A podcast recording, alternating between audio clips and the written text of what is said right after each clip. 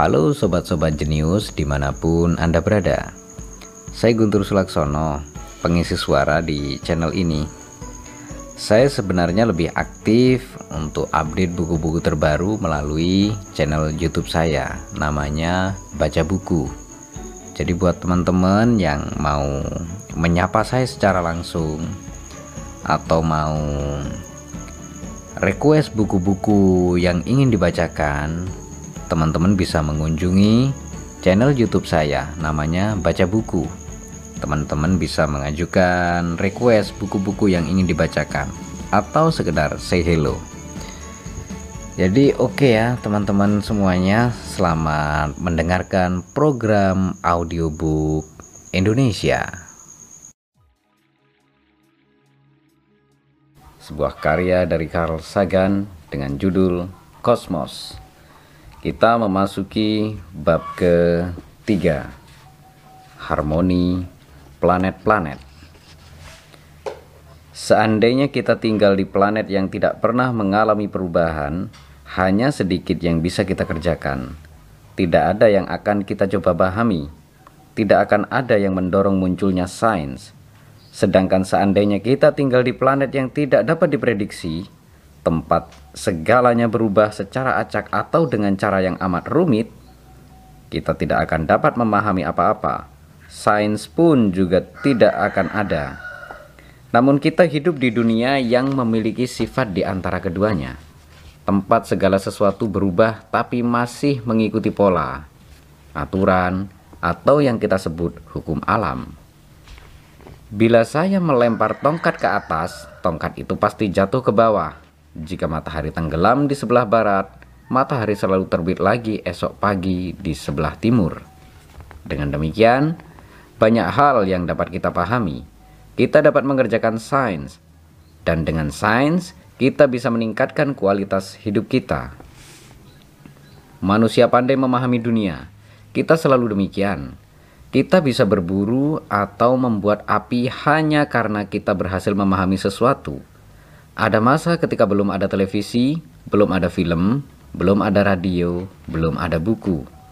Bagian terbesar keberadaan manusia berada pada masa itu. Ditemani bara api di perapian, pada malam-malam tanpa bulan, kita mengamati bintang-bintang. Langit malam terlihat menarik. Ada pola-pola di sana. Tanpa bersusah payah, Anda dapat membayangkan berbagai gambar di langit utara misalnya terdapat pola atau rasi yang terlihat seperti beruang. Sebagian kebudayaan menyebutnya beruang besar. Kebudayaan lain melihatnya berbentuk gambar lain. Gambar-gambar itu tentu saja tidak betul-betul ada di langit malam. Kitalah yang meletakkannya di sana. Kita adalah bangsa pemburu. Lalu kita melihat pemburu dan anjing, beruang dan perempuan muda segala macam benda yang menarik bagi kita. Ketika para pelaut Eropa abad ke-17 pertama kali melihat langit belahan selatan, mereka memasang objek-objek yang menarik pada abad ke-17 di langit. Burung tukan dan merak, teleskop dan mikroskop, kompas dan buritan kapal. Seandainya rasi dinamai pada abad ke-20, saya kira kita akan melihat sepeda dan kulkas di langit bintang-bintang rock and roll, dan barangkali awan jamur. Berbagai harapan dan ketakutan manusia ditempatkan di antara bintang-bintang. Terkadang para leluhur kita melihat bintang yang amat terang dan berekor, terlihat sebentar dan meluncur dengan cepat di langit. Mereka menamainya bintang jatuh, tapi itu bukan nama yang tepat. Bintang-bintang lama masih ada di langit meskipun bintang jatuh telah jatuh. Pada musim-musim tertentu, ada banyak bintang jatuh, sementara pada musim-musim lainnya hanya sedikit. Di situ pun ada semacam keteraturan. Sebagaimana matahari dan bulan, bintang-bintang selalu terbit di timur dan tenggelam di barat, menghabiskan waktu semalaman melintasi langit bila benda-benda langit itu lewat di atas kepala. Lain musim, lain pula rasinya. Rasi yang sama selalu terbit, misalnya pada awal musim gugur. Tidak pernah terjadi rasi baru tiba-tiba terbit di sebelah timur. Ada keteraturan, hal yang dapat diprediksi dan kepastian di bintang-bintang. Agaknya bintang-bintang itu menenangkan. Bintang-bintang tertentu terbit tepat sebelum atau tenggelam tepat sesudah matahari, pada waktu dan posisi yang berbeda dari musim ke musim.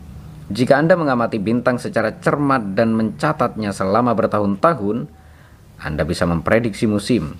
Anda juga bisa mengukur panjang tahun dengan mencatat di sebelah mana matahari terbit tiap harinya di cakrawala. Di langit terdapat kalender tersedia bagi siapa saja yang punya dedikasi, kemampuan, dan alat untuk mencatat. Leluhur kita membangun piranti untuk mengukur berapa lama suatu musim. Di Chacho Canyon, New Mexico, terdapat kiva atau kuil besar tanpa atap yang berasal dari abad ke-11. Pada 21 Juni, saat siang terpanjang dalam setahun di belahan bumi utara, Seberkas cahaya matahari memasuki jendela pada pagi hari lalu perlahan bergerak sehingga menerangi ceruk khusus. Namun itu hanya terjadi di sekitar tanggal 21 Juni. Saya membayangkan betapa bangganya orang-orang suku Anasazi yang menyebut diri mereka sendiri sebagai orang-orang kuno. Berkumpul di bangku kuil itu setiap tanggal 21 Juni mengenakan bulu-bulu burung, giring-giring dan batu pirus untuk merayakan kekuatan matahari. Mereka juga mengamati pergerakan semu bulan. Dua bulan delapan ceruk yang berada lebih tinggi barangkali menandai jumlah hari yang ditempuh bulan untuk kembali ke posisi yang sama di antara rasi-rasi. Orang-orang itu memperhatikan matahari, bulan, dan bintang dengan cermat. Piranti-piranti lain berdasarkan pada gagasan yang sama juga ditemukan di Angkor Wat, Kamboja, Stonehenge, Inggris, Abu Simbel, Mesir, Chichen Itza, Meksiko, dan Great Plains, Amerika Utara.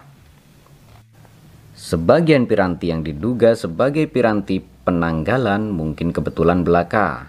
Misalnya, jendela dan ceruk yang kebetulan segaris pada 21 Juni, namun ada piranti-piranti lain yang betul-betul berbeda.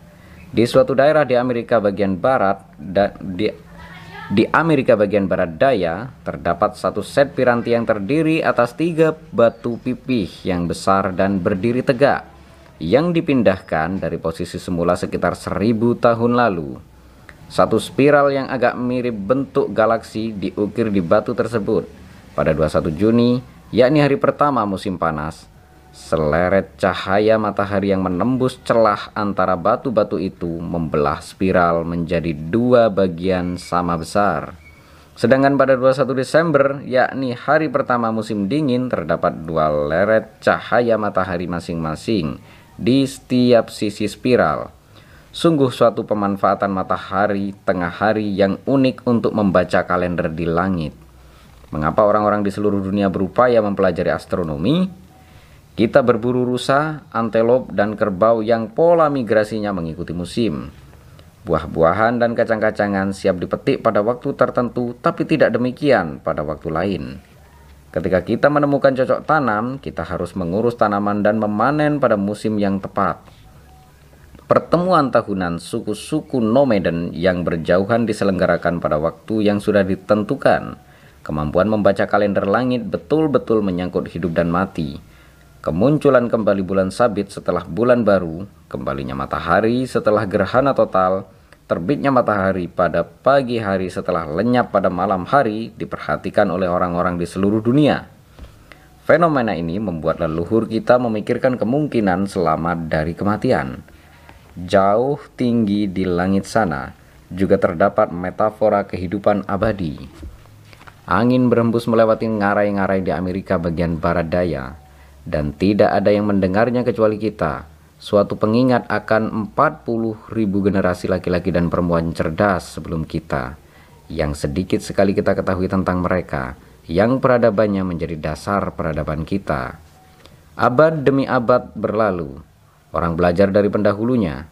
Semakin akurat Anda mengetahui posisi dan pergerakan matahari, bulan, dan bintang, semakin bisa diandalkan prediksi Anda mengenai waktu berburu waktu menebar benih, dan waktu panen, dan kapan pertemuan antar suku. Selagi presisi pengukuran menjadi lebih baik, catatannya harus disimpan, sehingga astronomi mendorong observasi matematika dan pengembangan tulisan. Namun, Gagasan lain yang agak aneh muncul kemudian, suatu serangan oleh klenik dan tahayul terhadap sains empiris. Matahari dan bintang-bintang mengendalikan musim, makanan, dan kehangatan. Bulan mengendalikan pasang surut, siklus hidup binatang, dan mungkin juga menstruasi. Penting bagi spesies yang ingin mendapatkan keturunan, ada jenis objek lain di langit, yaitu bintang pengembara atau pengelana yang disebut planet. Leluhur kita yang hidup mengembara pastilah merasakan kedekatan dengan planet-planet. Selain matahari dan bulan, Anda hanya dapat melihat lima di antaranya. Planet-planet bergerak berlatarkan bintang-bintang yang terletak lebih jauh. Jika Anda mengikuti pergerakannya selama berbulan-bulan, planet-planet tersebut tampak meninggalkan satu rasi. Masuk ke rasi lain, kadang-kadang bergerak melingkari secara perlahan di langit. Benda-benda lain di langit berpengaruh nyata pada kehidupan manusia. Lantas apa pengaruh planet-planet? Di masyarakat barat kontemporer, membeli majalah astrologi di kios koran sangatlah mudah. Malah lebih sulit mendapatkan majalah astronomi. Setiap koran di Amerika pasti punya kolom astrologi harian. Jarang sekali koran yang memiliki kolom astronomi mingguan. Jumlah ahli astrologi di Amerika Serikat 10 kali lipat jumlah ahli astronomi. Kalau menghadiri pesta, ketika bertemu dengan orang yang tidak mengetahui bahwa saya seorang ilmuwan, kadang-kadang saya ditanya, apakah Anda berbintang Gemini? Peluang tebakannya benar, adalah 1 per 12. Atau, apa bintang Anda? Saya lebih jarang ditanya, Sudahkah Anda tahu kalau emas dibuat dalam ledakan supernova? Atau menurut Anda, kapan Kongres akan menyetujui misi Mars rover? Astrologi beranggapan bahwa di rasi mana planet-planet berada ketika Anda dilahirkan amat mempengaruhi masa depan Anda. Beberapa ribu tahun lalu, berkembang gagasan bahwa pergerakan planet-planet menentukan nasib raja, dinasti, dan kerajaan. Para ahli astrologi mempelajari pergerakan planet dan bertanya kepada diri sendiri apa yang terjadi. Misalnya ketika Venus terbit di rasi kambing. Pada waktu sebelumnya, mungkin hal serupa akan terjadi kali ini. Pekerjaan ini beresiko dan memerlukan ketajaman pengamatan. Ahli astrologi kemudian hanya dipekerjakan oleh negara. Di berbagai negara, Seseorang yang bukan ahli astrologi resmi bisa dianggap melakukan pelanggaran dan diancam hukuman mati bila membaca tanda-tanda di langit. Cara yang baik untuk mengakhiri suatu rezim adalah dengan memprediksi kejatuhannya. Ahli astrologi istana di Tiongkok yang ramalannya tidak akurat akan dihukum mati. Ahli astrologi lain mengubah catatan sehingga nantinya akan sesuai dengan kejadiannya. Astrologi berkembang menjadi kombinasi aneh antara observasi, matematika, dan penyimpanan catatan secara cermat dengan jalan pemikiran yang kabur dan penipuan untuk memperkuat keyakinan. Namun, bila planet bisa menentukan nasib negara, apa iya planet dapat menghindar dari mempengaruhi yang akan terjadi kepada saya esok hari? Gagasan mengenai astrologi perorangan berkembang di Alexandria, Mesir, lalu menyebar di dunia Yunani dan Romawi sekitar 2000 tahun lalu. Kini kita dapat mengenali warisan astrologi Kini kita dapat mengenali warisan astrologi di kata-kata seperti disaster, bencana, yang merupakan kata bahasa Yunani untuk bintang buruk. Influenza, kata bahasa Italia untuk pengaruh, bintang. Mazel Tov, kata bahasa Yahudi yang berasal dari bahasa Babilonia untuk rasi baik. Atau kata bahasa Yidi Slamaze, Slamazel, merujuk ke orang yang dirundung malang, yang lagi-lagi dapat dirunut sampai ke kosakata astronomi bahasa Babilonia. Menurut Plinius, ada orang-orang Romawi yang dianggap sideratio, tertimpa planet. Planet-planet sering dianggap sebagai penyebab langsung kematian atau ingat kata consider, artinya bersama dengan planet-planet yang tampaknya memerlukan perenungan serius. Coba ingat juga angka kematian di London tahun 1632. Di antara jumlah korban akibat penyakit yang diderita bayi dan anak-anak serta penyakit eksotis lainnya seperti naiknya cahaya dan kemalangan raja, kami menemukan bahwa dari 9.535 kasus kematian, 13 orang mati akibat planet. Lebih banyak daripada yang mati karena kanker. Saya penasaran apa saja gejalanya. Astrologi, perorangan masih ada hingga sekarang. Bayangkan dua kolom astrologi di koran yang berbeda dan diterbitkan di kota yang sama pada hari yang sama, misalnya kita memeriksa koran New York Post dan New York Daily News, terbitan tanggal 21 Desember 1979. Anggap Anda berbintang Libra, yaitu yang dilahirkan antara tanggal 23 September dan 22 Oktober. Menurut ahli astrologi koran New York Post, kompromi akan meredakan ketegangan. Mungkin bermanfaat, tapi agak samar-samar. Menurut ahli astrologi koran New York Daily News, anda harus menantang diri sendiri. Suatu peringatan yang juga tidak jelas tapi berbeda. Ramalan-ramalan tersebut bukanlah ramalan, melainkan nasihat. Ramalan-ramalan itu memberitahu apa yang harus Anda lakukan, bukan apa yang akan terjadi. Ramalan-ramalan itu sengaja menggunakan kalimat umum sehingga bisa berlaku untuk siapa saja. Keduanya sama-sama menyajikan ketidakkonsistenan. Mengapa ramalan-ramalan itu dipublikasikan seperti layaknya statistik olahraga atau laporan pasar saham? Astrologi dapat diuji dengan kehidupan orang kembar. Ada banyak kasus yang salah, seorang di antaranya meninggal ketika masih kanak-kanak. Misalnya karena kecelakaan atau tersambar petir. Sementara kembarannya hidup sukses hingga usia lanjut. Masing-masing dilahirkan di tempat yang persis sama dengan selang waktu beberapa menit.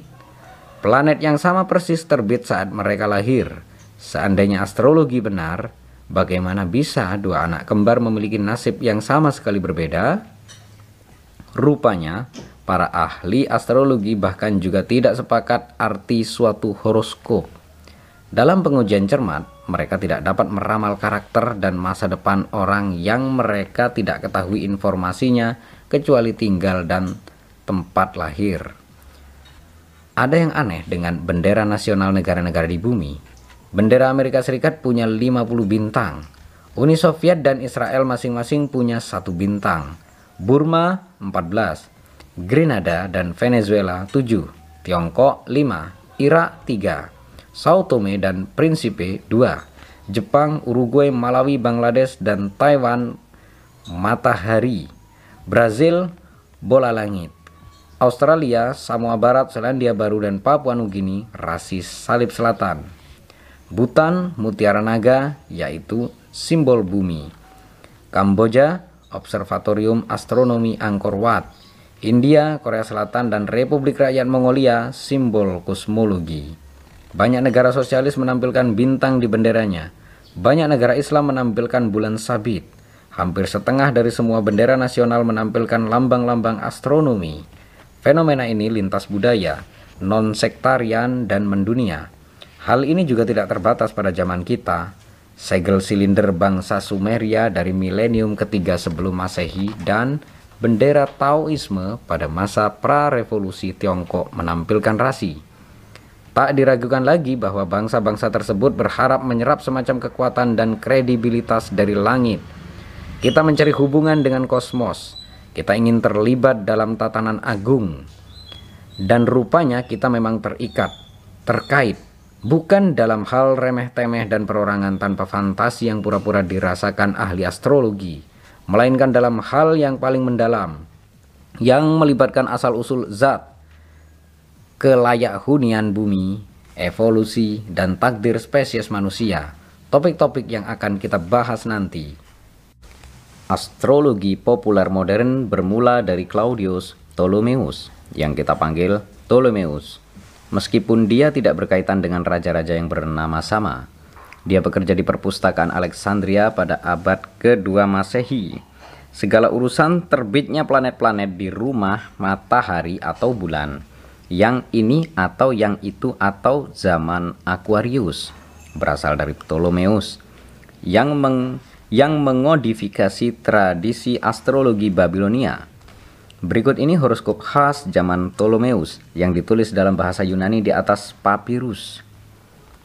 Untuk anak perempuan yang lahir tahun 150 Masehi, kelahiran Philoe, tahun ke-10 Kaisar Antonius Famenot 15 hingga 16, jam pertama malam hari, matahari di Pisces, Jupiter dan Merkurius di Aries, Saturnus di Cancer, Mars di Leo, Venus dan bulan di Aquarius, horoskop Capricorn. Metode penghitungan bulan dan tahun telah lebih banyak berubah selama berabad-abad dibandingkan dengan ketepatan astrologi. Berikut kutipan dari buku astrologi Ptolemeus, Tetra Biblos. Saturnus, jika berada di timur menyebabkan subjeknya tampak berkulit gelap, tegap, berambut hitam ikal, dadanya berambut, mata berukuran sedang, tingginya sedang-sedang saja dan temperamen yang terlampau basah dan dingin. Ptolemeus bukan hanya meyakini bahwa planet-planet dan bintang-bintang mempengaruhi pola perilaku, melainkan juga tinggi badan, wajah, karakter, kebangsaan. Bahkan keabnormalan bawaan fisik ditentukan oleh bintang-bintang. Mengenai hal ini, ahli astrologi modern tampaknya telah mengambil posisi yang lebih berhati-hati. Namun, para ahli astrologi modern telah lupa dengan presisi equinox yang dipahami oleh Ptolemeus. Mereka mengabaikan refraksi atmosfer yang telah ditulis oleh Ptolemeus. Mereka hampir tidak memperhatikan semua bulan dan planet, asteroid dan komet, kuasar dan pulsar, galaksi yang meledak, bintang simbiotik, bintang variabel, katalis, katalismik, dan sumber sinar X yang telah ditemukan sejak zaman Ptolemeus. Astronomi adalah satu cabang sains yang mempelajari alam semesta sebagaimana adanya. Astrologi adalah pseudoscience, klaim tanpa bukti yang menyatakan bahwa planet-planet lain mempengaruhi kehidupan sehari-hari kita. Pada zaman Ptolemeus, perbedaan antara astronomi dan astrologi tidak, tidak jelas. Sekarang perbedaannya sudah jelas. Sebagai ahli astronomi, Ptolemeus menamai bintang-bintang, membuat daftar kecerlangan bintang, memberi bukti-bukti untuk menunjukkan bahwa bumi berbentuk bulat, merumuskan tata cara memprediksi gerhana, dan barangkali yang paling penting adalah mencoba memahami mengapa planet-planet memperlihatkan pergerakan aneh terhadap latar belakang rasi-rasi yang jauh. Dia mengembangkan model prediksi untuk memahami pergerakan planet dan menguraikan pesan di langit. Mempelajari langit memberikan kebahagiaan yang meluap-luap kepada Ptolemeus. Saya memang makhluk fana, tulisnya. Saya tahu bahwa hidup saya hanya sementara, tapi ketika dengan senang hati saya mengikuti pergerakan sekumpulan bintang di lintasan berbentuk lingkaran, kaki saya tak lagi menapak bumi. Ptolemeus meyakini bahwa bumi adalah pusat alam semesta. Matahari, bulan, planet bumi, dan bintang-bintang bergerak mengelilingi bumi ini adalah gagasan yang sangat wajar. Bumi tampak tetap diam, kokoh, tak bergerak, sementara kita dapat melihat benda-benda langit terbit dan tenggelam setiap hari. Setiap kebudayaan telah sampai ke hipotesis geosentris, sebagaimana yang ditulis Johannes Kepler. Dengan demikian, tidak mungkin nalar yang tidak diajari selainnya dapat membayangkan selain bahwa bumi adalah semacam rumah amat luas beratapkan langit. Langit tidak bergerak dan di dalamnya terdapat matahari yang amat kecil dan bergerak dari satu daerah ke lain daerah, seperti burung yang mengembara di udara.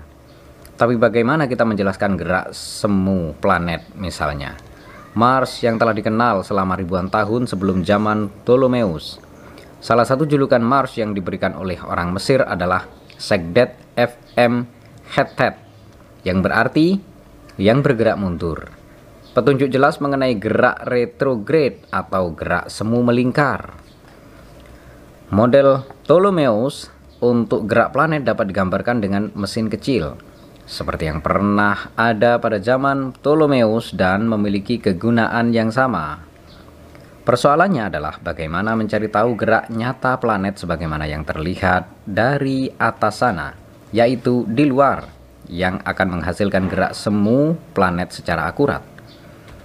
Bagaimana yang terlihat di bawah, yaitu di dalam, planet-planet dibayangkan bergerak mengelilingi bumi sambil melekat di bola transparan.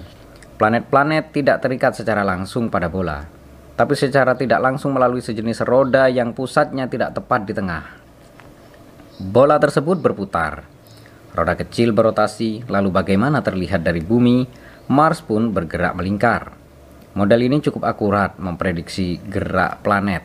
Tentunya, presisi pengukurannya cukup baik pada zaman Ptolemeus dan bahkan selama berabad-abad kemudian.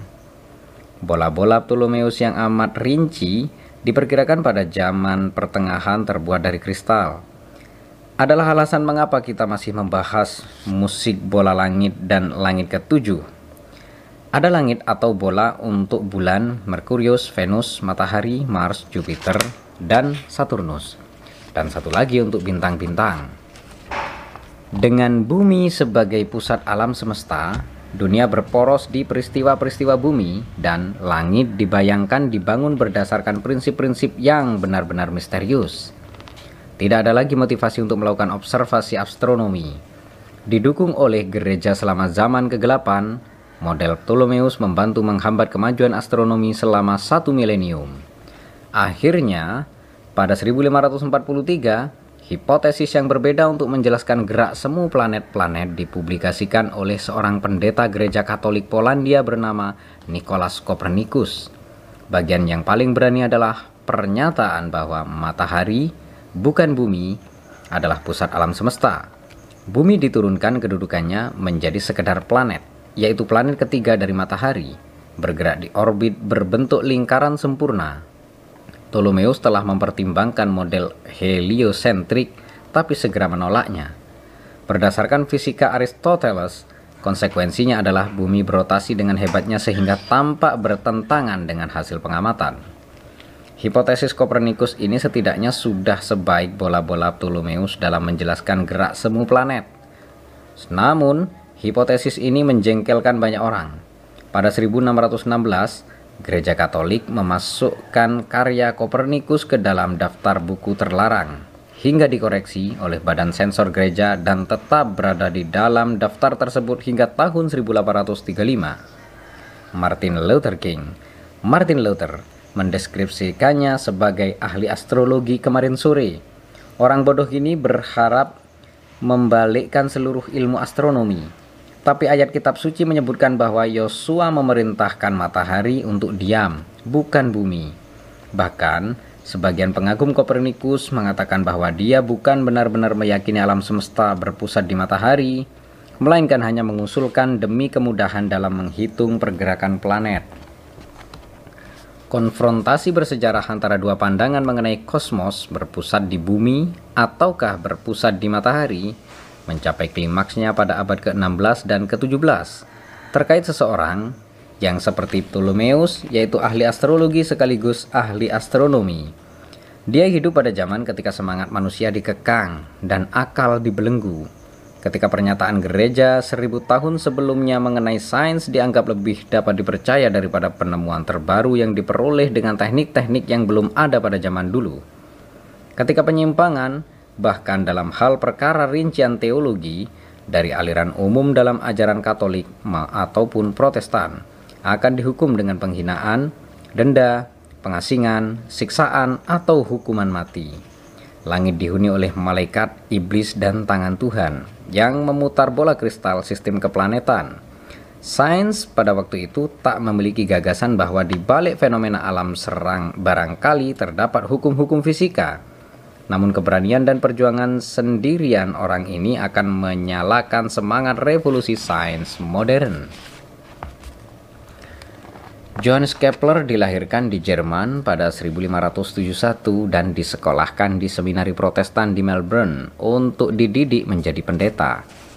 Sekolah itu seperti kamp pelatihan militer yang melatih generasi muda menggunakan senjata teologi untuk menyerang benteng Katolik Roma.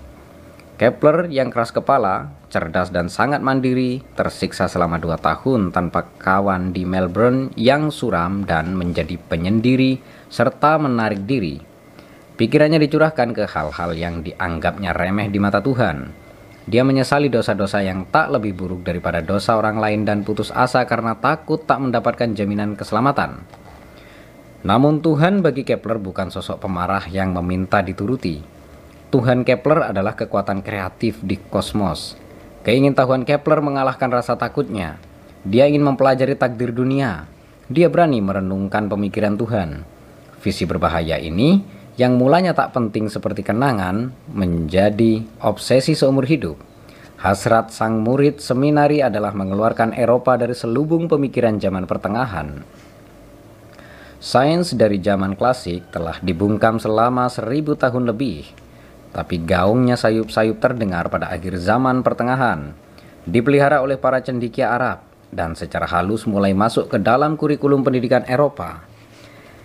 Di Melbourne, Kepler mendengar gaung mereka. Kalau mempelajari bahasa Yunani dan Latin, musik serta matematika selain belajar teologi. Dalam geometri Euclides, dia mengira telah melihat sekilas gambaran kesempurnaan dan keagungan kosmik. Kemudian dia menulis, geometri ada sebelum penciptaan, geometri kekal bersama pemikiran Tuhan. Geometri memberi Tuhan model untuk penciptaan. Geometri ialah Tuhan itu sendiri. Di tengah-tengah guncangan matematis Kepler, dan meski dia hidup menyendiri, ketidaksempurnaan dunia luar mestinya juga telah membentuk karakternya. Tahayul adalah obat yang tersedia secara luas bagi orang-orang yang tak kuasa melawan kesengsaraan akibat kelaparan, wabah, dan konflik doktrin yang mematikan. Bagi banyak orang, satu-satunya yang pasti adalah bintang-bintang dan benda-benda astrologi kuno yang banyak dijumpai di halaman gedung dan kedai di Eropa yang dihantui ketakutan. Kepler yang seumur hidup bersikap ambigu terhadap astrologi, bertanya-tanya adakah pola-pola tersembunyi di balik ketidakteraturan kehidupan sehari-hari. Bila dunia diciptakan Tuhan, bukankah dunia sebaiknya diteliti dengan seksama? Tidakkah semua penciptaan adalah ungkapan harmoni pemikiran Tuhan?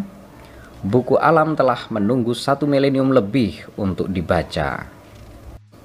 Pada 1589, Kepler meninggalkan Melbourne untuk belajar kependetaan di universitas ternama di Tübingen dan merasa bebas karenanya.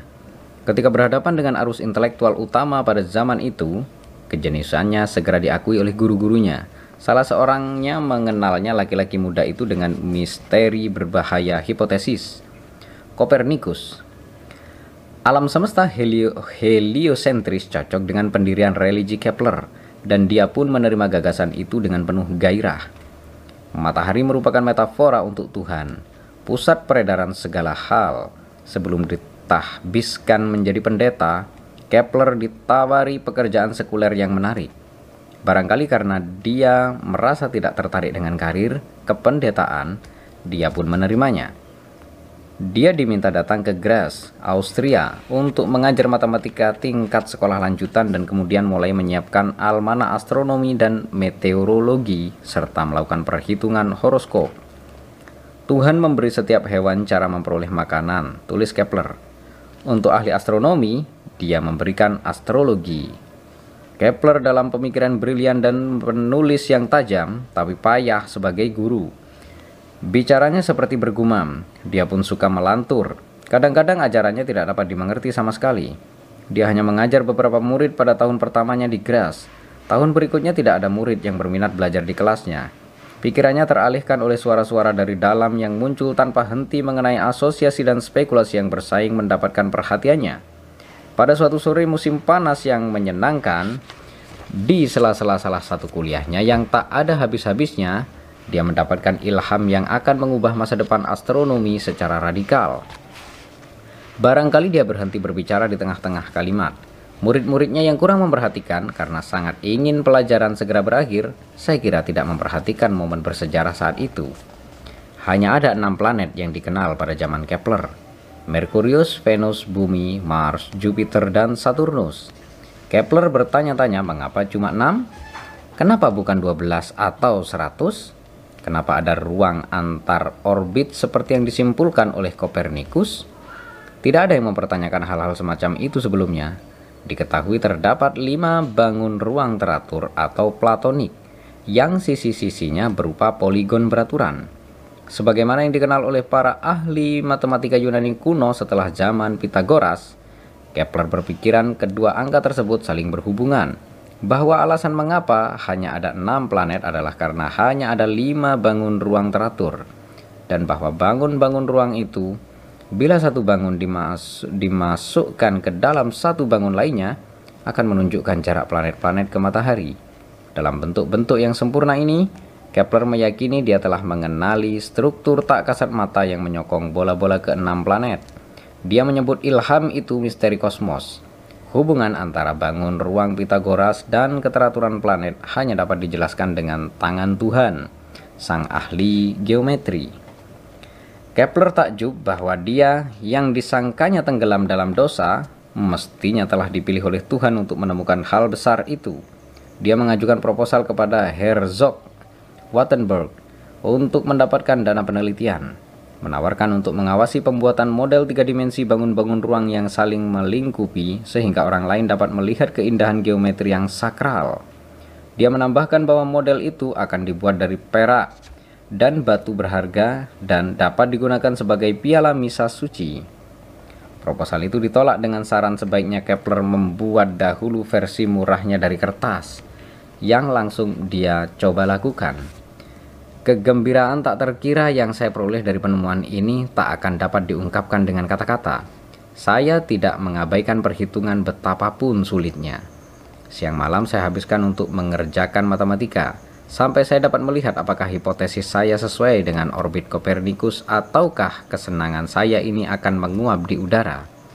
Namun sekeras apa pun dia mencoba bangun-bangun ruang dan dan bangun-bangun ruang dan orbit-orbit planet tidak pas. Meskipun demikian, keelokan dan keagungan teori tersebut meyakinkan Kepler bahwa ada yang salah dengan pengamatan. Kesimpulan itu diambil ketika hasil pengamatan tidaklah cocok dengan banyak penggagas teori dalam sejarah sains. Hanya ada satu orang di dunia yang punya akses ke pengamatan yang lebih akurat mengenai posisi semu planet, yaitu seorang bangsawan Denmark yang mengasingkan diri dan telah menerima posisi sebagai ahli matematika kerajaan di Istana Kaisar Roma Suci, Rudolf II.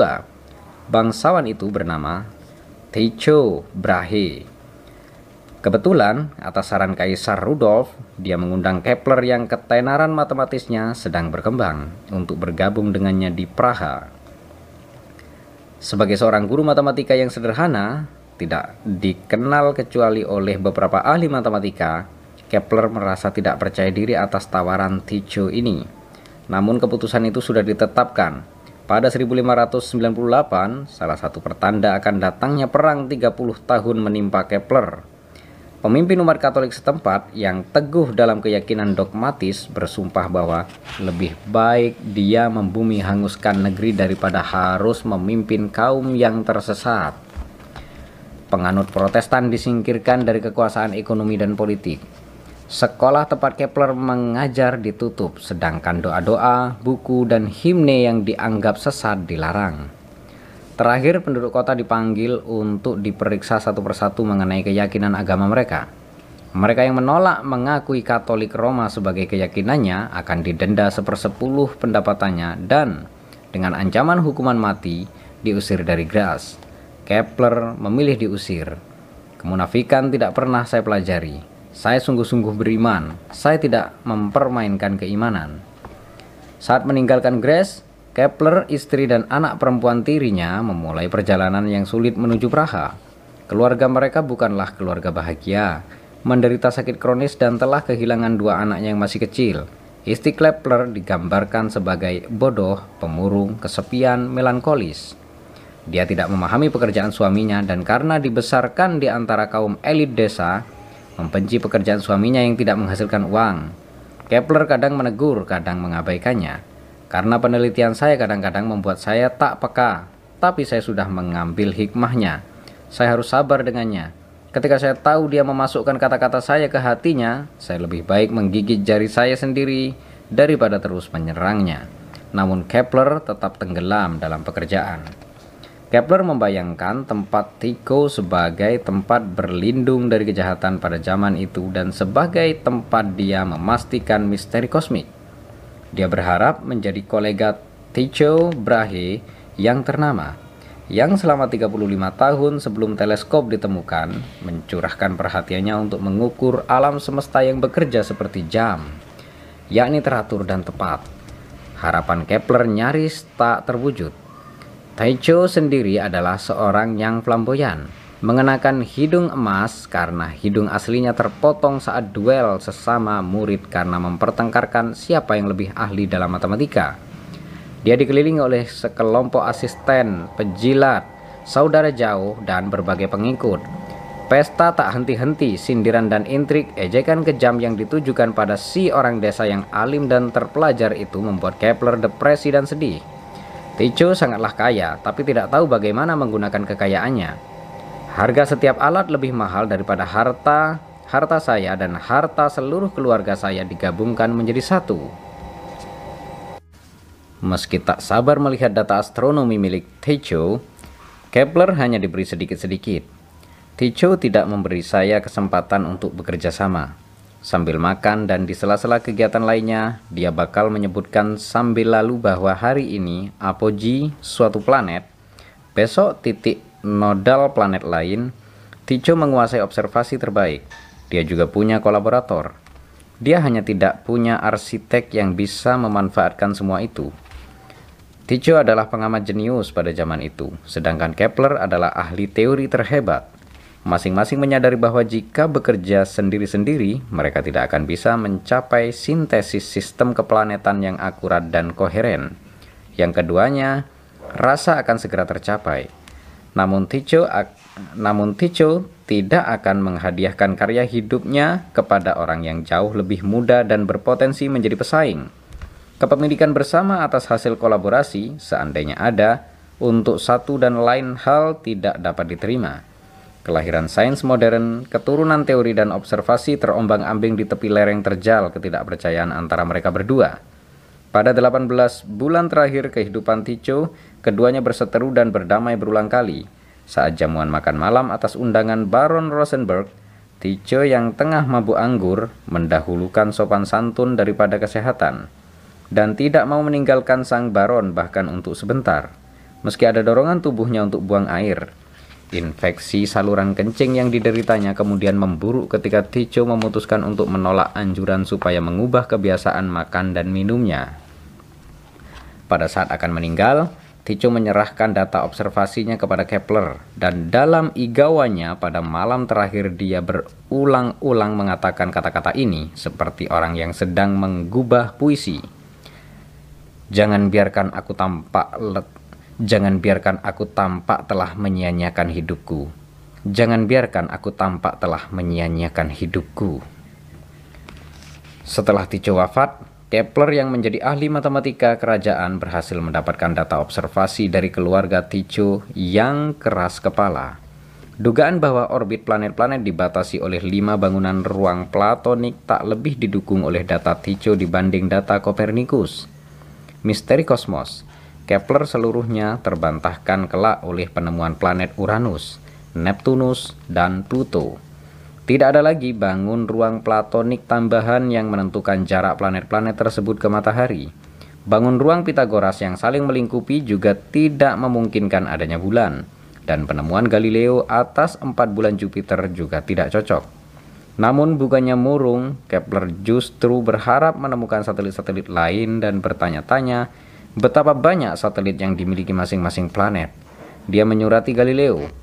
Saya seketika mulai berpikir bagaimana caranya supaya tambahan tam, tambahan jumlah planet tidak merusak teori misterium cosmographicum saya yang berdasarkan lima bangun ruang Euclides tidak memungkinkan ada lebih daripada enam planet mengelilingi matahari. Saya bukannya tidak percaya keberadaan planet-planet yang mengelilingi Jupiter sampai-sampai saya menginginkan teleskop untuk menunggu Anda. Jika memungkinkan, menemukan dua lagi di sekitar Mars, sebab proporsinya tampak memerlukan 6 hingga 8 satelit mengelilingi Saturnus, dan barangkali masing-masing satu satelit mengelilingi Merkurius dan Venus.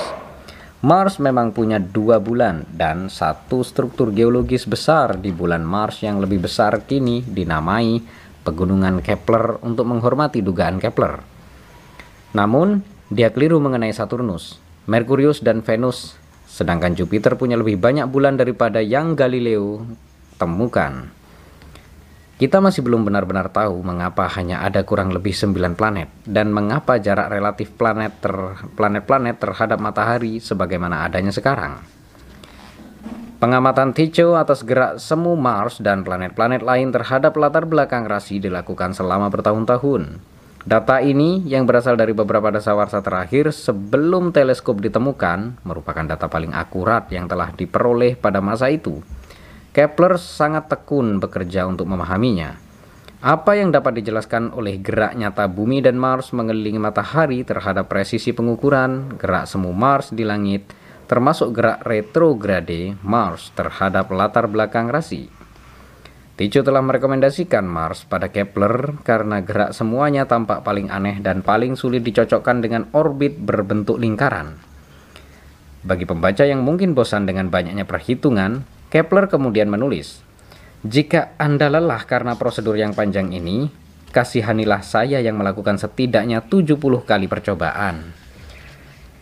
Pada abad ke-6 sebelum Masehi, Pitagoras, Plato, Ptolemeus, dan seluruh ahli astronomi Kristen sebelum Kepler telah berasumsi planet-planet bergerak dalam lintasan berbentuk lingkaran. Lingkaran dianggap bentuk geometri yang sempurna, dan planet-planet yang berada tinggi di langit jauh dari ketidaksempurnaan duniawi. Dalam pengertian mistik juga dianggap sempurna. Galileo, Tycho, dan Copernicus meyakini planet bergerak melingkar secara seragam Kopernikus menegaskan bahwa akal menolak kemungkinan lain karena tak layak kiranya jika menduga hal demikian dalam penciptaan yang dibuat dengan cara terbaik. Karena itu, mula-mula Kepler mencoba menjelaskan hasil observasi Tycho dengan membayangkan bumi dan Mars bergerak mengelilingi matahari dengan orbit berbentuk lingkaran. Setelah menghitung selama tiga tahun, dia yakin telah menemukan nilai yang benar untuk orbit lingkaran planet Mars – yang sesuai dengan 10 hasil observasi Tycho dengan ketelitian 2 menit busur. Nah, satu derajat sama dengan 60 menit busur, sedangkan besar sudut dari cakrawala ke zenit adalah 90 derajat, yakni sudut siku-siku. Jadi beberapa menit busur itu sangatlah kecil, terutama bila tidak menggunakan teleskop. Sudut sebesar itu sama dengan 1 diameter sudut bulan purnama yang dilihat dari bumi. Namun, kegembiraan Kepler yang meluap-luap runtuh menjadi kemurungan karena dua data observasi Tycho berikutnya tidak konsisten dengan orbit Kepler, yakni berbeda sekitar 8 menit busur. Kuasa Tuhan menganugerahi kita seorang pengamat yang tekun yaitu Tycho Brahe, sehingga hasil pengamatannya memastikan perhitungan ini dengan selisih 8 menit busur benar memang bahwa kita seharusnya menerima berkat Tuhan dengan syukur Seandainya saya yakin kita bisa mengabaikan 8 menit ini, dengan demikian pastilah saya telah memperbaiki hipotesis saya. Tapi karena tidak bisa diabaikan, 8 menit itu menunjukkan jalan menuju reformasi total di astronomi. Perbedaan antara orbit lingkaran dan orbit sejati hanya dapat dilihat dengan pengukuran yang presisi dan keberanian menerima kenyataan. Alam semesta berkesan memiliki proporsi harmonis, tapi harmoni harus menerima kenyataan. Kepler terguncang saat terpaksa meninggalkan orbit lingkaran yang mempertanyakan keimanannya pada sang ahli geometri. Setelah menyingkirkan lingkaran dari spiral dari astronomi, dia berkata bahwa yang tersisa adalah segerobak kotoran, lingkaran melar seperti oval. Akhirnya, Kepler merasa kekagumannya terhadap lingkaran hanyalah delusi. Bumi adalah planet, seperti yang telah dikatakan Kopernikus, dan sangat jelas bagi Kepler bahwa bumi yang dilanda perang, wabah, kelaparan, dan ketidakbahagiaan tidaklah sempurna. Kepler adalah salah satu orang pertama sejak zaman kuno yang berpendapat bahwa planet adalah objek fisik yang terbuat dari bahan-bahan tak sempurna seperti bumi. Bila planet tak sempurna, mengapa tidak dengan orbitnya? Dia mencoba berbagai kurva berbentuk oval, menghitung, membuat beberapa kesalahan aritmatika yang menyebabkan dia mula-mula menolak jawaban yang benar. Dan berbulan-bulan kemudian dengan putus asa mencoba rumus untuk elips. Yang pertama kali disusun di perpustakaan Alexandria oleh Apollonios dari Perga. Kepler menemukan rumus itu cocok sekali dengan data pengamatan Tycho. Kebenaran alam yang telah saya tolak dan buang. Diam-diam kembali melalui pintu belakang, menyamarkan diri supaya diterima. Ah, betapa bodohnya saya selama ini. Kepler telah menemukan bahwa Mars bergerak mengelilingi matahari, bukan di orbit berbentuk lingkaran, melainkan elips. Planet-planet lain punya orbit yang tidak selonjong Mars. Dan seandainya Tycho mendorong dia untuk menyelidiki orbit Venus, Kepler mungkin tidak bakal menemukan orbit sejati planet-planet. Di orbit yang demikian, matahari bukan terletak di pusat, melainkan bergeser ke titik fokus elips. Ketika suatu planet berada di posisi paling dekat dengan matahari, geraknya dipercepat. Ketika planet ini berada di posisi paling jauh dari matahari, geraknya melambat. Gerak yang demikian menjelaskan mengapa kita menggambarkan planet selamanya jatuh menuju, tapi tak pernah mencapai. Matahari, hukum pertama Kepler tentang gerak planet adalah seperti ini planet bergerak di planet bergerak di orbit berbentuk elips dengan matahari di salah satu titik fokusnya. Dalam gerak melingkar yang seragam, sudut atau fraksi busur lingkaran yang sama ditempuh dalam waktu yang sama.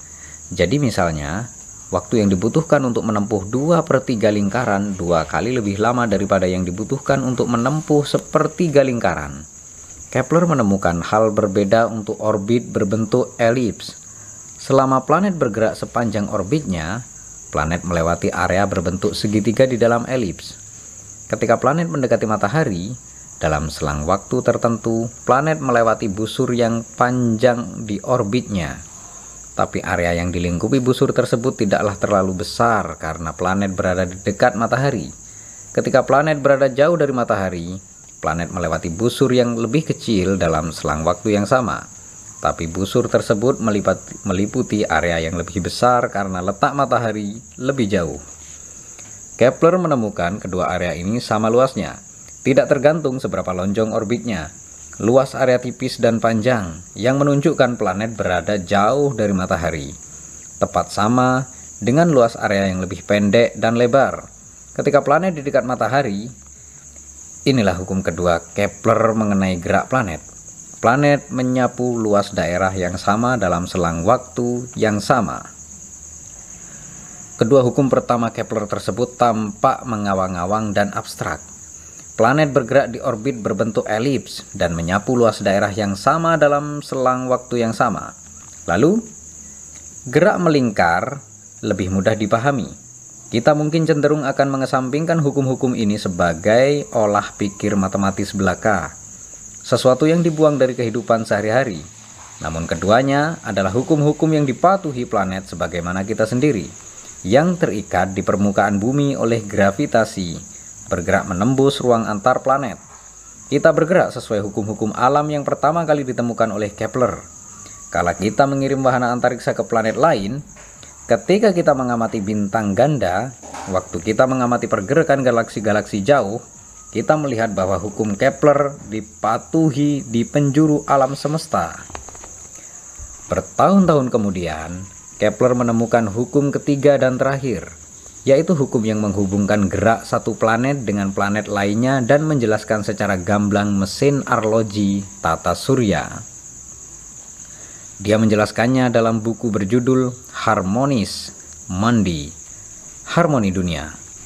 Kepler memahami banyak hal dengan kata harmoni, keteraturan dan keindahan gerak planet, keberadaan hukum-hukum matematis yang menjelaskan gerak tersebut, gagasan yang berasal dari Pitagoras, dan bahkan harmoni dalam artian musik, harmoni bola-bola.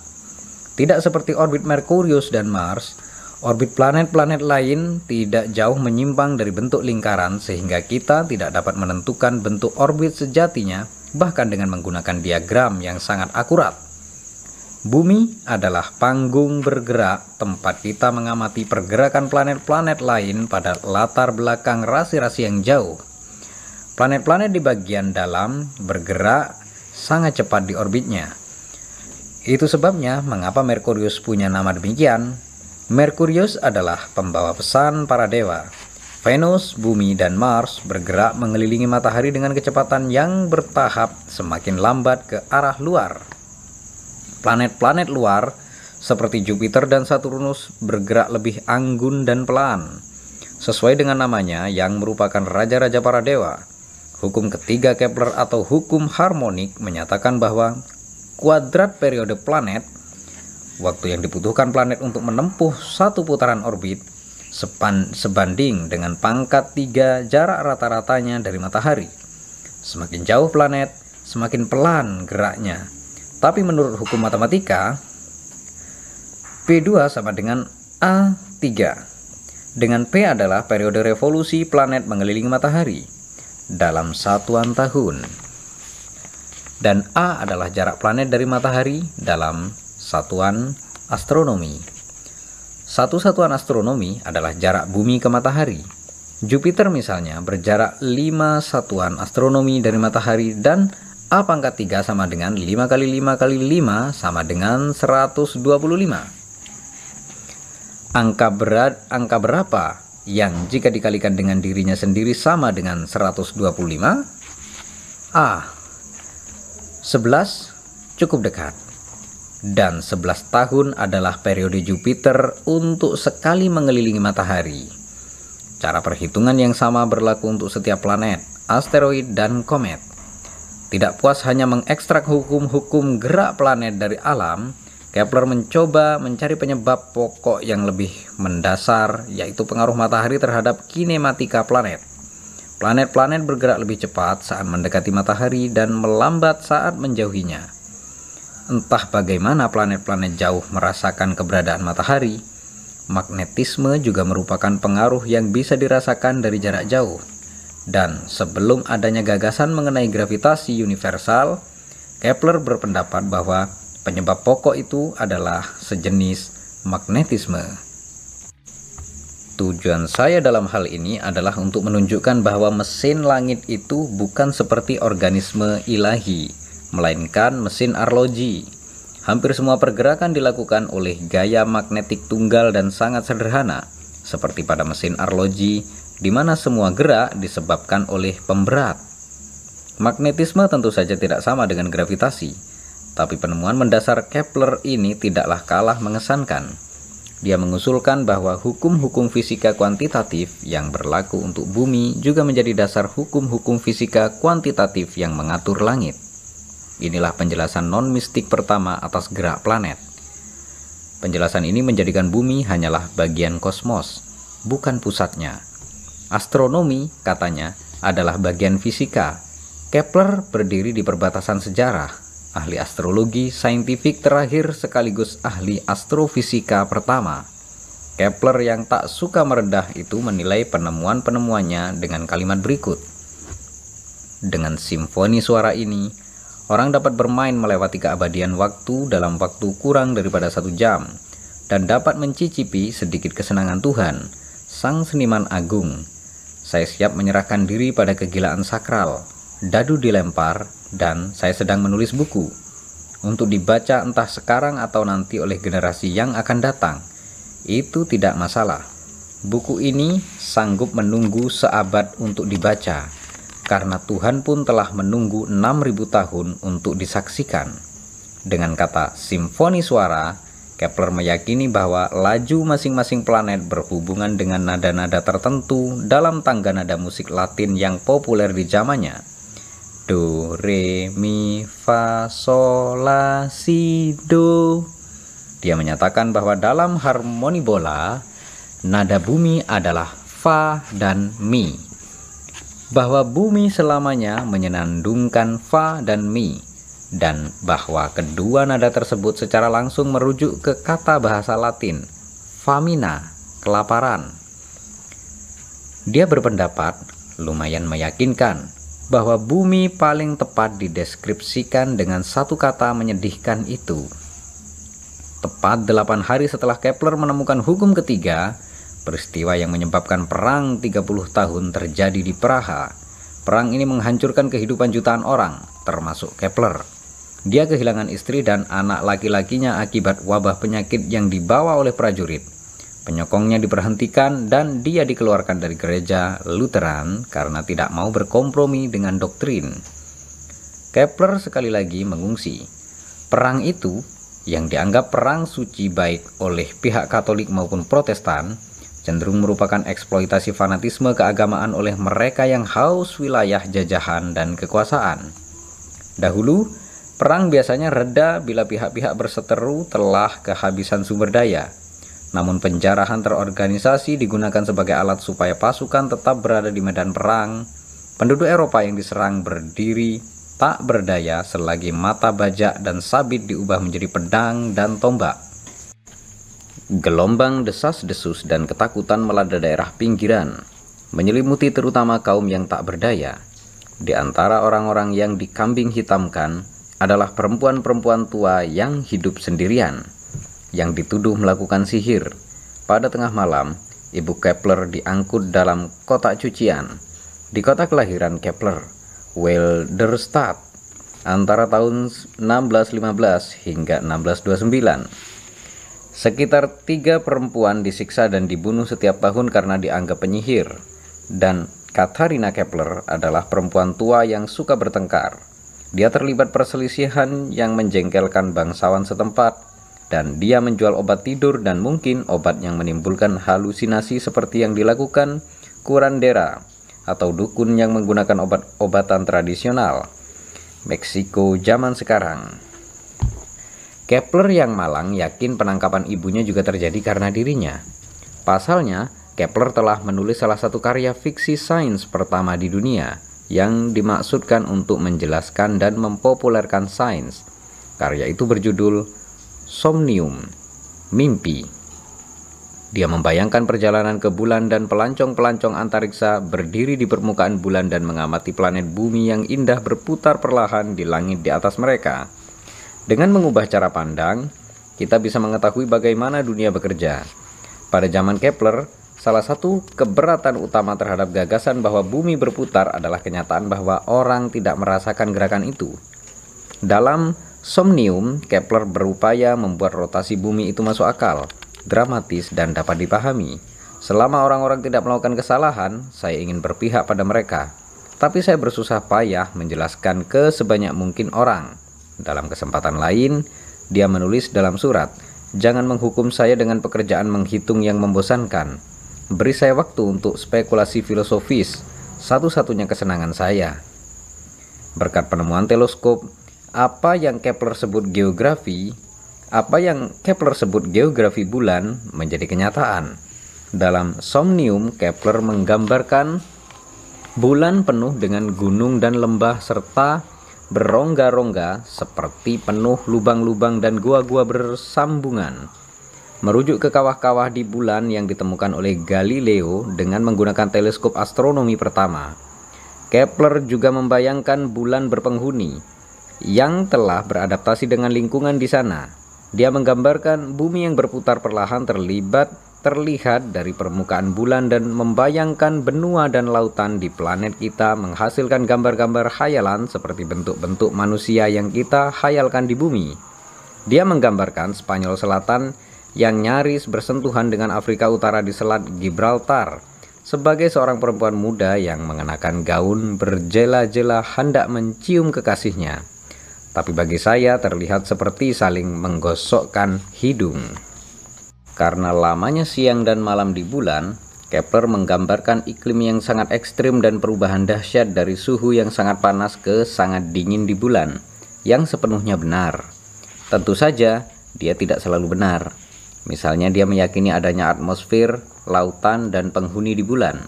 Yang paling menarik adalah pandangannya mengenai asal-usul kawah bulan, yang menurut Kepler menjadikan bulan tidak berbeda dengan wajah bocah yang cacat akibat cacar. Dia benar ketika menyatakan bahwa kawah-kawah di bulan merupakan lembah, bukan bukit. Dari pengamatannya sendiri dia memperhatikan dinding yang mengelilingi kawah-kawah dan keberadaan puncak di tengah-tengah kawah. Namun dia mengira bentuk lingkaran kawah menandakan derajat keteraturan yang hanya bisa dibuat oleh makhluk cerdas. Dia tidak menyadari bahwa batu besar yang jatuh dari langit akan menghasilkan ledakan lokal dan simetris sempurna ke segala arah menciptakan lubang berbentuk lingkaran, asal-usul sejumlah besar kawah di bulan dan planet-planet terestrial lainnya. Kepler malah menyimpulkan adanya suatu ras yang secara rasional mampu membuat lubang-lubang semacam itu di permukaan bulan. Ras ini mestinya punya banyak individu, sehingga satu kelompok menggunakan satu lubang sementara kelompok lain membuat lubang lainnya. Untuk membantah pendapat proyek konstruksi semacam itu, tampaknya tidak masuk akal Kepler memberi contoh piramida di Mesir dan tembok besar di Tiongkok, yang sebenarnya dapat dilihat dari orbit bumi. Gagasan bahwa keteraturan geometri menandakan adanya kecerdasan di baliknya sangatlah penting bagi Kepler. Pendapatnya mengenai kawah bulan mirip dengan kontroversi adanya kanal di Mars. Menariknya, pencarian kehidupan luar bumi melalui pengamatan bermula pada masa yang sama dengan penemuan teleskop oleh ahli teori terbesar pada zaman itu. Bagian-bagian somnium jelas merupakan autobiografi. Misalnya, pahlawan dalam buku tersebut mengunjungi Tycho Brahe. Orang tuanya menjual obat-obatan, Ibunya berhubungan dengan roh dan jin, yang salah satunya akhirnya menyediakan wahana untuk pergi ke bulan. Somnium menegaskan pada kita, meskipun tidak disadari rekan sejaman Kepler bahwa dalam mimpi kadangkala orang harus dibebaskan menghayalkan apa yang tidak pernah ada di dunia yang dilihat dengan indera. Fiksi sains merupakan gagasan pada zaman perang pada zaman perang 30 tahun dan buku Kepler tersebut digunakan sebagai bukti bahwa ibunya adalah seorang penyihir. Di tengah masalah-masalah pribadi lainnya, Kepler buru-buru pergi ke Wartenberg untuk mencari ibunya yang telah berusia 74 tahun dan dirantai di penjara bawah tanah protestan dan disiksa. Seperti halnya Galileo, di penjara katolik, Kepler sebagaimana yang bakal dilakukan oleh seorang ilmuwan mulai mencuri penjelasan alami mengenai berbagai peristiwa yang menimbulkan tuduhan melakukan kegiatan sihir, termasuk penyakit-penyakit fisik ringan yang menurut kaum kaya Watt Wartenberg disebabkan oleh mantra Ibu Kepler. Penelitiannya berhasil dan menjadi kemenangan nalar atas tahayul, kemenangan besar di sisa hidupnya. Ibunya diasingkan dan akan dihukum mati bila kembali ke Wartenberg Sedangkan pembelaan penuh semangat yang dilakukan Kepler tampaknya mendorong Herzog Wattenberg mengeluarkan perintah pelarangan menghakimi tindakan sihir dengan bukti-bukti yang tidak cukup. Pergolakan perang menghilangkan sebagian besar dukungan finansial bagi Kepler, dan akhir hidupnya dijalani dengan tidak tenang, meminta-minta uang dan sponsor. Dia meramalkan horoskop untuk Jenderal Falsten seperti yang telah dilakukan untuk Rudolf II, dan menghasilkan tahun-tahun terakhir hidupnya di kota bernama Sagam di Silesia yang dikuasai Falsten, sekarang wilayah Polandia. Tulisan di batu nisannya yang dikarangnya sendiri adalah Dahulu saya mengukur langit, kini bayangan yang saya ukur. Akal berbatasan langit, raga bersemayam berbataskan bumi. Namun perang 30 tahun menghancurkan makam Kepler. Jika sekarang akan didirikan monumen sebagai penghargaan khusus untuk keberanian ilmiahnya, monumen tersebut akan bertuliskan, dia lebih menyenangi kebenaran yang sebenar-benarnya daripada ilusi yang paling indah. Johannes Kepler meyakini bahwa kelak akan ada kapal antariksa dengan layar-layar yang bergerak karena angin langit yang mengarungi langit dan penuh dengan penjelajah yang tak gentar akan keluasan antariksa dan kini para penjelajah itu, yakni manusia dan robot, menggunakan tiga hukum gerak planet yang diungkapkan Kepler selama masa hidupnya yang penuh dengan derita dan penemuan yang menimbulkan kegembiraan tak terkira, sebagaimana panduan yang tak pernah keliru dalam perjalanan mengarungi luasnya antariksa. Perjalanan hidup Johannes Kepler untuk memahami pergerakan planet-planet dan untuk mencari keselarasan di langit mencapai puncak 36 tahun setelah kematiannya.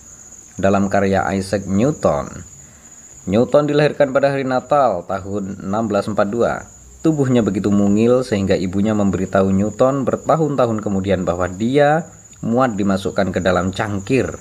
Sakit-sakitan, merasa tak diurusi orang tuanya, gemar cekcok, tidak ramah perjaka hingga akhir hayat. Isaac Newton barangkali merupakan ilmuwan jenius terbesar yang pernah ada. Bahkan saat masih muda, Newton gelisah dengan pertanyaan-pertanyaan remeh, seperti apakah cahaya itu?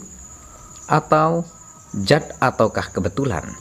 atau bagaimana gravitasi bisa bekerja di ruang hampa antara dua benda. Semula dia menyimpulkan bahwa keyakinan Kristen konvensional mengenai Trinitas adalah kesalahan dalam membaca firman-firman Tuhan dalam Alkitab. Menurut penulis biografi Newton, John Maynard Keynes, dia agak mirip dengan penganut monoteisme Yahudi. Dari aliran filsafat Maimonides, dia sampai ke kesimpulan itu, bukan berdasarkan nalar atau skeptisisme, tapi sepenuhnya berdasarkan tafsiran otoritas zaman dulu. Dia yakin bahwa kitab-kitab yang diwahyukan tidak mendukung doktrin Trinitas karena pemalsuan-pemalsuan sesudahnya. Tuhan yang diwahyukan adalah satu Tuhan. Namun itu adalah rahasia menakutkan yang Newton sangat ingin tutupi sepanjang hidupnya. Seperti Kepler, Newton tidak terbebas dari tahayul pada masa itu dan berkali-kali bersinggungan dengan hal-hal mistis.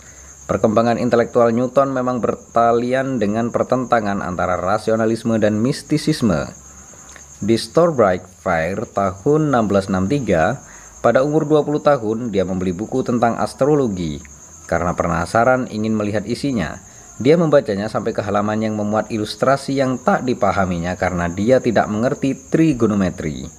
Dia pun membeli buku tentang trigonometri tapi dia tak dapat mengikuti argumen-argumen geometri di buku tersebut. Maka dia menemukan buku elemen geometrik Euclides dan mulai membacanya. Dua tahun kemudian, dia menemukan kalkulus diferensial. Saat menjadi mahasiswa, Newton terpesona dengan cahaya dan terpaku ke matahari.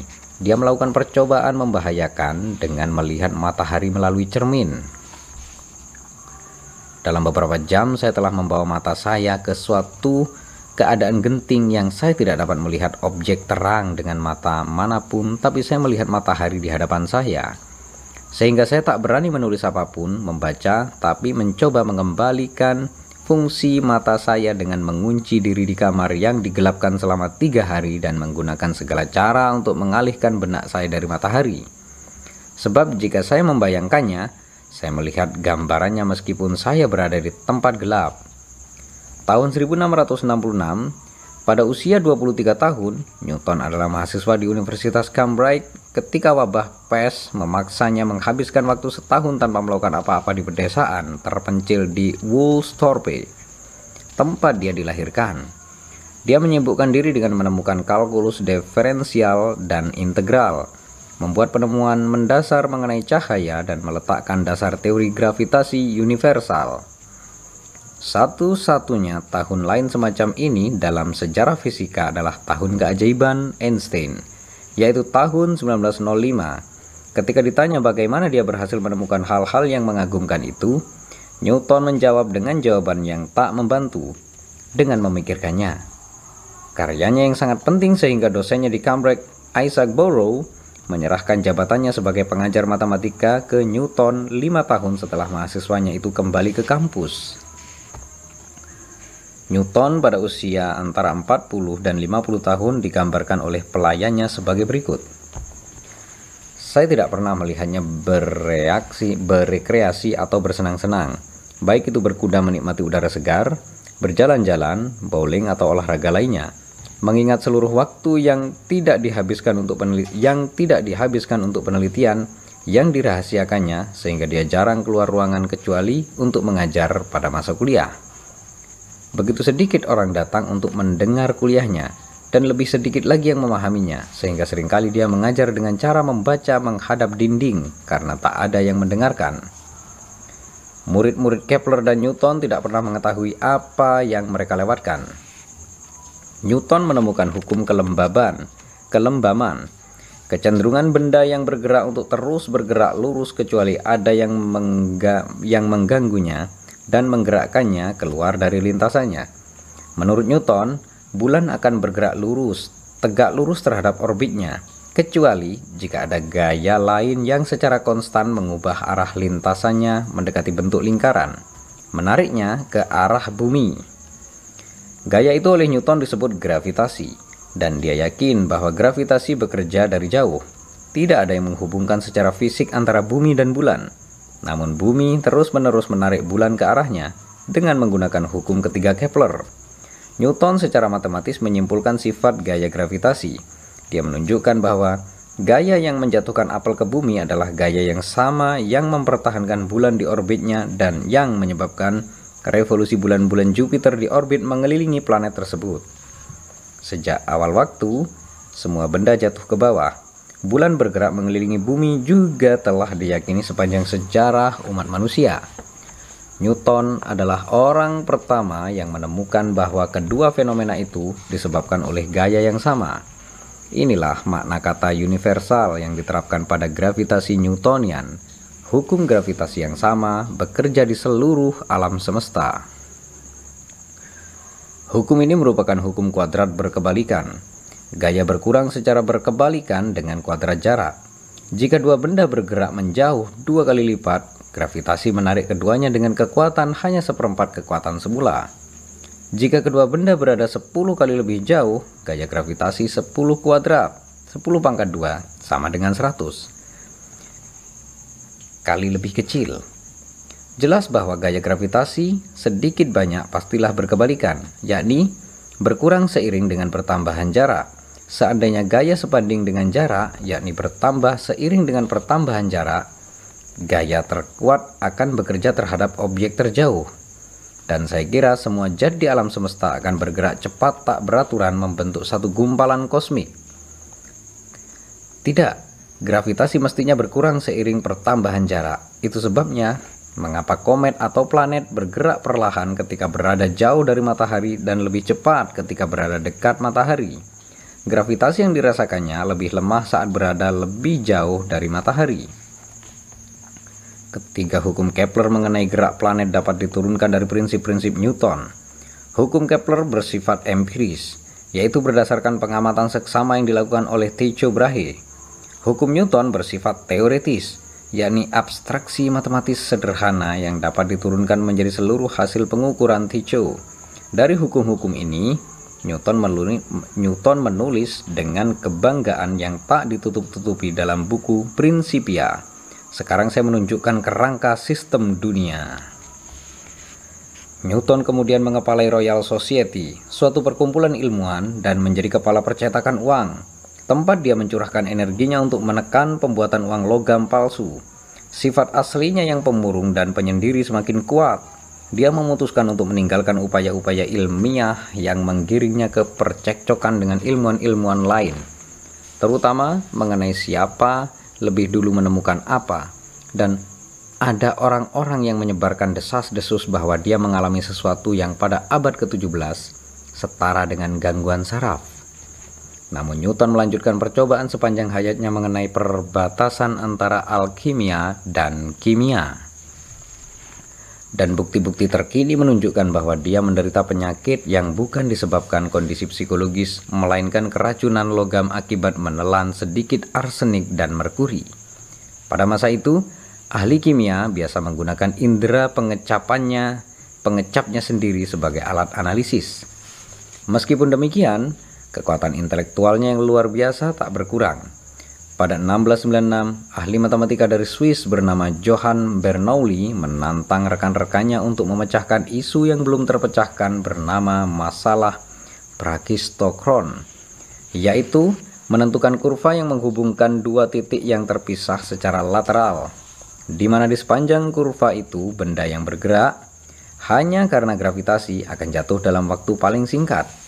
Semula Bernoulli memberi batas waktu enam bulan, tapi dia memperpanjangnya hingga satu setengah tahun atas permintaan Leibniz, salah seorang cendikiawan terkemuka masa itu, dan orang yang telah menemukan kalkulus diferensial dan integral secara terpisah dari Newton. Tantangan itu sampai ke tangan Newton pada pukul 4 sore tanggal 29 Januari 1697. Sebelum berangkat kerja keesokan paginya, dia telah menemukan cabang baru matematika bernama kalkulus variasi dan menggunakannya untuk memecahkan masalah brachistokron, lalu mengirimkan solusinya yang diterbitkan secara anonim atas permintaan Newton. Namun, kecemerlangan dan keaslian karya itu mengungkap identitas penemunya. Ketika Bernoulli melihat solusi tersebut, dia berkomentar, "Kita mengenali singa dari cakarnya." Newton saat itu berusia 55. Upaya intelektual utama pada tahun-tahun terakhir Newton adalah indeks dan kalibrasi kronologi peradaban kuno, mengikuti tradisi para ahli sejarah kuno Manetho, Strabon, dan Eratosthenes. Dalam karya terakhirnya, The Chronology of Ancient Kingdom Amended, kami menemukan kalibrasi astronomis berulang terhadap peristiwa-peristiwa sejarah rekonstruksi arsitektur bait Solomo, pernyataan provokatif bahwa semua rasi di langit belahan utara dinamai berdasarkan tokoh, artefak, dan peristiwa-peristiwa di dalam kisah Yunani tentang Yason dan para Argonaut, dan asumsi konsisten bahwa Tuhan-Tuhan semua peradaban, kecuali yang dipercayai Newton, adalah raja-raja dan pahlawan-pahlawan kuno belaka yang disembah oleh generasi-generasi berikutnya. Kepler dan Newton mewakili transisi kritis dalam sejarah umat manusia. Penemuan bahwa hukum-hukum matematika yang cukup sederhana ada di seluruh alam. Bahwa hukum yang sama berlaku baik di bumi maupun di langit, dan bahwa ada resonansi antara cara kita berpikir dan cara dunia bekerja. Mereka teguh menghargai keakuratan data pengamatan, dan presisi tinggi prediksi mereka mengenai gerak planet memberikan bukti meyakinkan di tingkat kedalaman yang tak terduga bahwa manusia dapat memahami kosmos. Peradaban global modern kita, cara pandang kita terhadap dunia dan eksplorasi alam semesta masa kini sangat berutang budi kepada wawasan mereka. Newton tak terbuka penemuannya dan bersikap sangat kompetitif terhadap rekan-rekannya sesama ilmuwan dia tak segan menunggu satu atau dua dasawarsa setelah penemuannya untuk mempublikasikan hukum kuadrat berkebalikan. Namun, di hadapan keagungan dan kerumitan alam, dia seperti Ptolemeus dan Kepler, sangatlah bahagia dan rendah hati. Tepat sebelum kematiannya, Newton menulis, "Saya tidak tahu bagaimana saya dipandang di dunia ini, tapi bagi saya sendiri, saya selama ini hanyalah seperti anak-anak yang bermain di tepi pantai dan asik mencari batu yang lebih rata atau cangkang yang lebih indah daripada yang biasa-biasa saja. Sementara lautan kebenaran yang luas membentang dan belum terungkap ada di hadapan saya. Terima kasih dan bersambung ke bab 4.